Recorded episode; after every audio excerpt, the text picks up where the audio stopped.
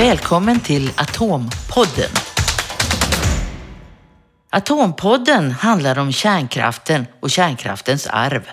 Från drift till slutförvar av det använda kärnbränslet. Det handlar om ansvar i tusentals år. Jag heter Katarina Malmer.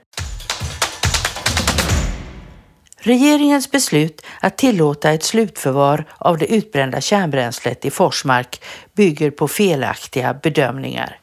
Det menar Naturskyddsföreningen och flera andra miljöorganisationer som nu begär en rättsprövning av beslutet hos Högsta förvaltningsdomstolen eftersom ett regeringsbeslut inte kan överklagas.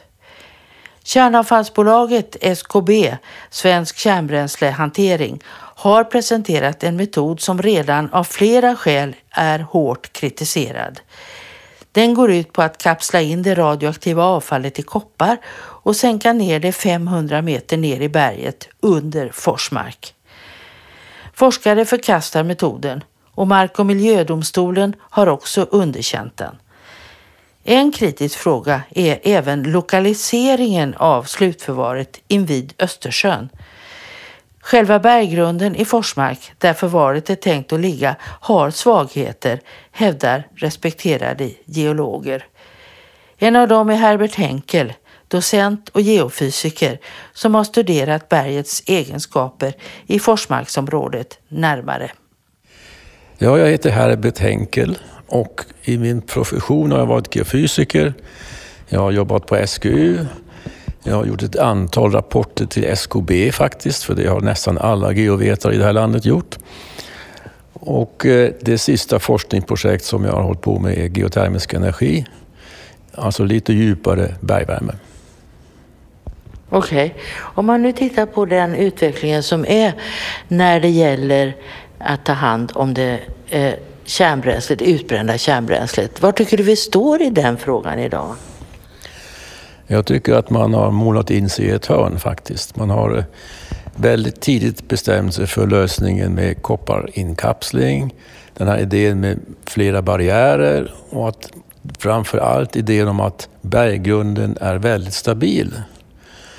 Och eh, det här senare, att berggrunden är väldigt stabil, det hör faktiskt till de geologiska myterna som SKB sprider. Och senast jag hörde det var i Göteborg eh, det här året. Alltså det är ju så att bergarterna är väldigt gamla. Där vi sitter nu, Stockholms granit, det är 1,8 miljarder år gammalt. Tittar vi på en bit granit så ser den ut som om den hade bildats igår. Så att bergarterna är så som de en gång bildades. Men därifrån att dra en slutsats om berggrunden är ju en annan sak. För att berggrunden innehåller spricksystem, stora och små och många. Och det är, det är tillsammans med bergarterna som det är vad vi tittar på. Berggrunden är summan av många andra saker. Och de här sprickorna de är inte nödvändigtvis lika gamla som bergarterna. Många av dem är väldigt nytillkomna, så sent som för några tusen år sedan till exempel. Men det skulle kunna betyda att eh, ett förvar som ska hålla i hundratusen år, då är inte berggrunden att lita på. Ja, det är ju därför man ska titta på områden där man på något sätt kan avgöra att det inte är risk för rörelse i berggrunden.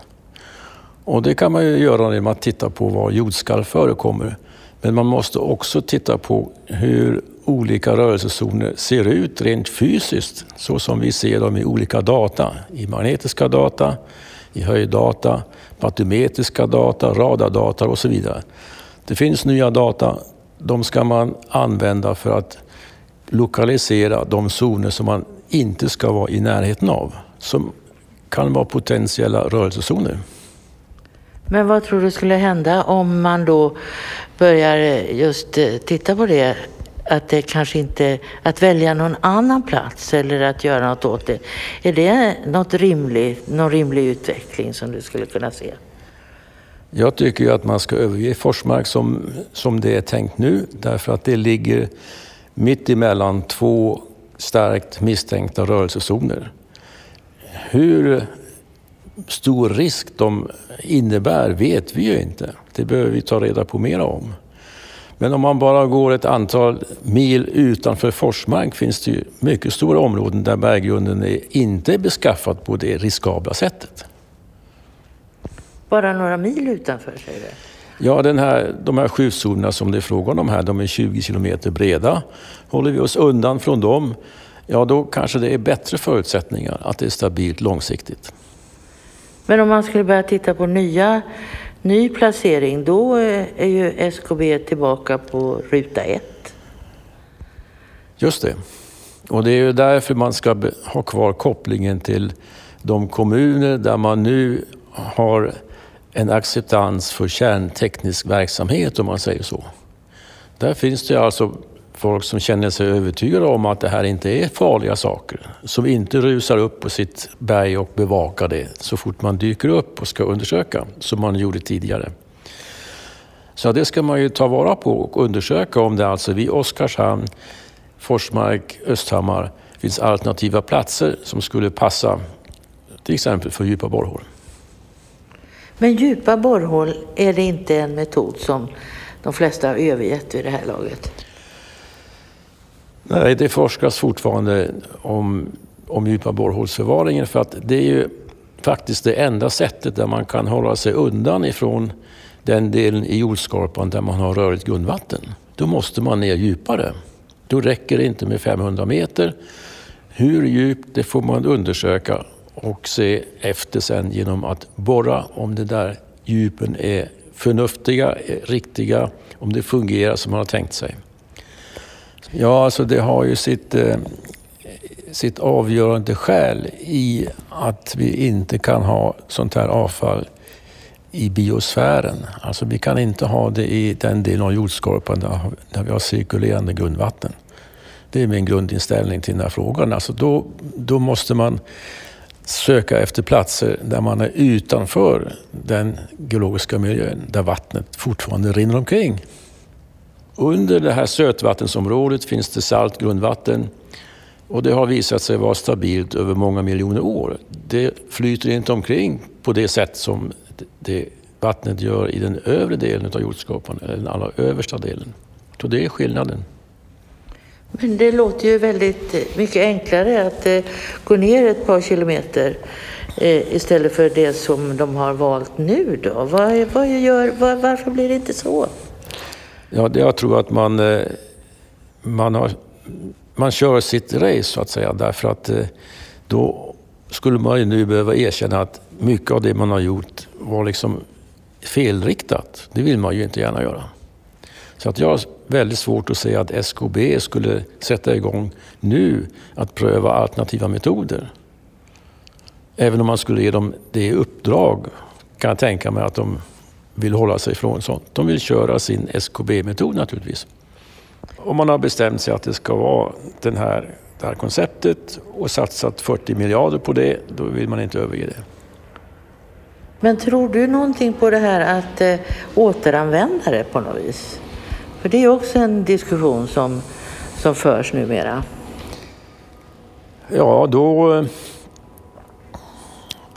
då får vi ju ytterligare en ny komponent i hanteringen av eh, radioaktiva isotoper. Och det vet jag inte om det är särskilt klokt att vi breddar användningen av sådana ämnen i samhället. Upparbetning för andra ändamål kräver ju en hel industri för att det ska bli någonting. Så eh, jag tänker nog att idén att begrava det här på något sätt så att det inte används igen är ganska vettig. Men det är ju ändå bara en bråkdel av energin som har utnyttjats ja. i reaktorerna. Ja. Och det är kanske någon som skulle vilja ha resten? Det är väl mycket väl möjligt och man vill ju ha de andra komponenterna för att göra kärnvapen till exempel. Och det är det jag tycker man ska förhindra. Genom att göra sig av med de här ämnena på ett sätt där man inte kan ta tillbaka dem. Om vi ser på det här som du håller på med, med det geotermiska och det här med bergets egenskaper. Vad klarar berget? Jag tror att man är väldigt bra i Sverige på att eh, ha gruvanläggningar och tunnelbyggen och sånt. Och det har man överblick över stabilitet för kanske 50 år eller 100 år.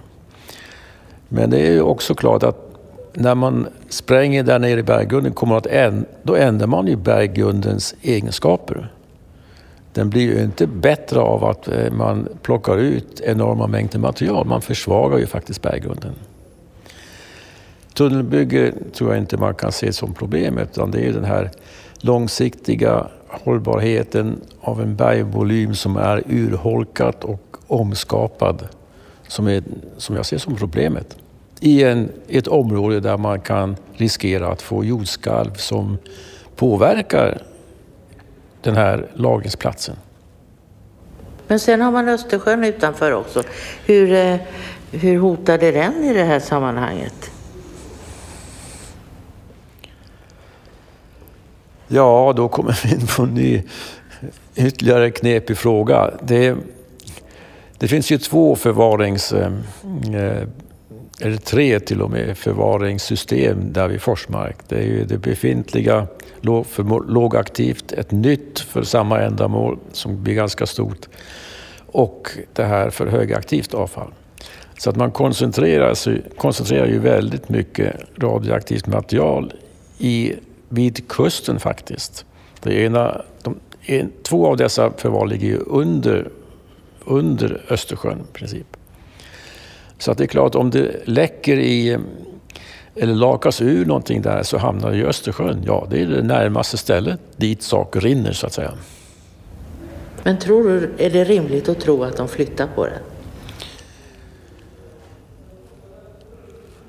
Ja, alltså har man väl börjat anlägga gruvan så kommer ju det att, att vara lösningen tills man inser att andra lösningar är enklare och kanske till och med billigare.